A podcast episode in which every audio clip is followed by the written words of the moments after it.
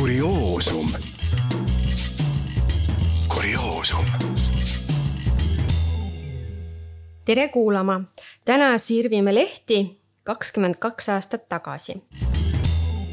neljandal juulil kaks tuhat üks kirjutas Pärnu Postimees eile öösel tänaval lärmavaid noorukeid korrale kutsuma saadetud inspektorid ei osanud arvatagi, et lärmajate manitsemise asemel satuvad nad hoidma neljakuust beebit. Kell üks kakskümmend Karusselli tänavale väljakutsele teel olnud inspektor Ain Kohv ja noorem inspektor Peeter Normis märkasid samal tänaval ühe aia otsas viipamas väikest tüdrukut.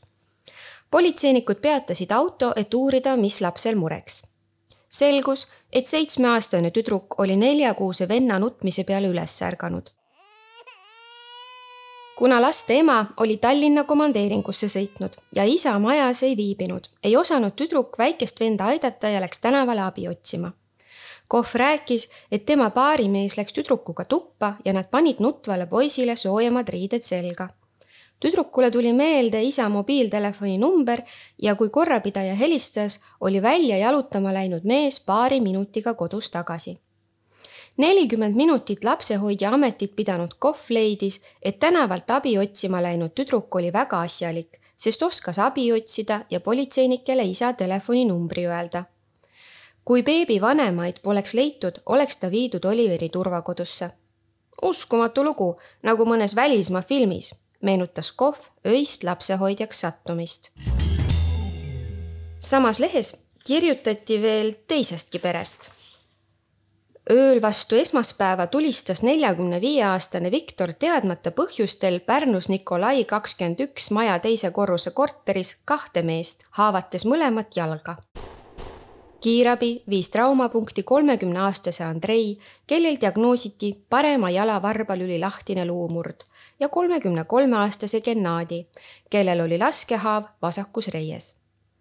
Pärnu politseiprefektuuri teabetalituse juhtiv inspektor Kaja Kukk ütles, et kõik mehed olid alkoholi tarvitanud. tulistaja võtsid politseinikud kinni esmaspäeva õhtul. tänaval jalutanud pealtnägija väitel lasti ka õues vist kaks meest ja naine. pimedas ei olnud hästi näha. Nad tulistasid kaks-kolm korda maja hoovis kuuri ukse pihta, kõneles pealtnägija. keegi veel hüüdis, saime ukse lahti. Samas majas asuva meteoroloogiajaama töötaja rääkis, et kõnealusesse korterisse kolis mõni kuu tagasi viie väikese lapsega perekond, kes armastab tihti pidutseda. ja pisut äh, hiljem, kolmeteistkümnendal juulil räägiti kummalistest teetöödest. Pärnu lähedal Tammistes surid kuuma käes sulama hakanud asfalti kinni jäänud kümned roomajad. Ümberkaudsed elanikud süüdistavad teedefirmat lohakas töös ja nõuavad teekatte uut pindamist. Tammiste elanik Ago ütles, et Kauba ja Jaama tänava asfaltijat tuleks ebakvaliteetse töö tõttu karistada.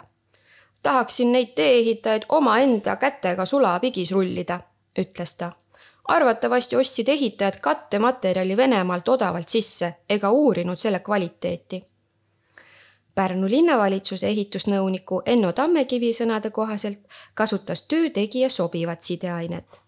sideaine voolus on süüdi uue teekatte alla jäänud vana asfalt ning erakordselt kuumad ilmad, väitis Tammekivi Tammekivil oli kahju, et aasta tagasi parandatud teekatte tõttu on hukkunud rohkesti roomajaid kohalikud mehed rääkisid, et peale roomajate ja teiste putukate kannatavad ebaharilikult sulanud teekatte tõttu elanikudki, sest lenduv sideaine rikub sõidukeid. oli tükk tegu, et hirmkallis Harley Davidson bensiiniga pigist puhtaks pesta, seletas Ago. nautige suve ja kurioosumini. kurioosum. kurioosum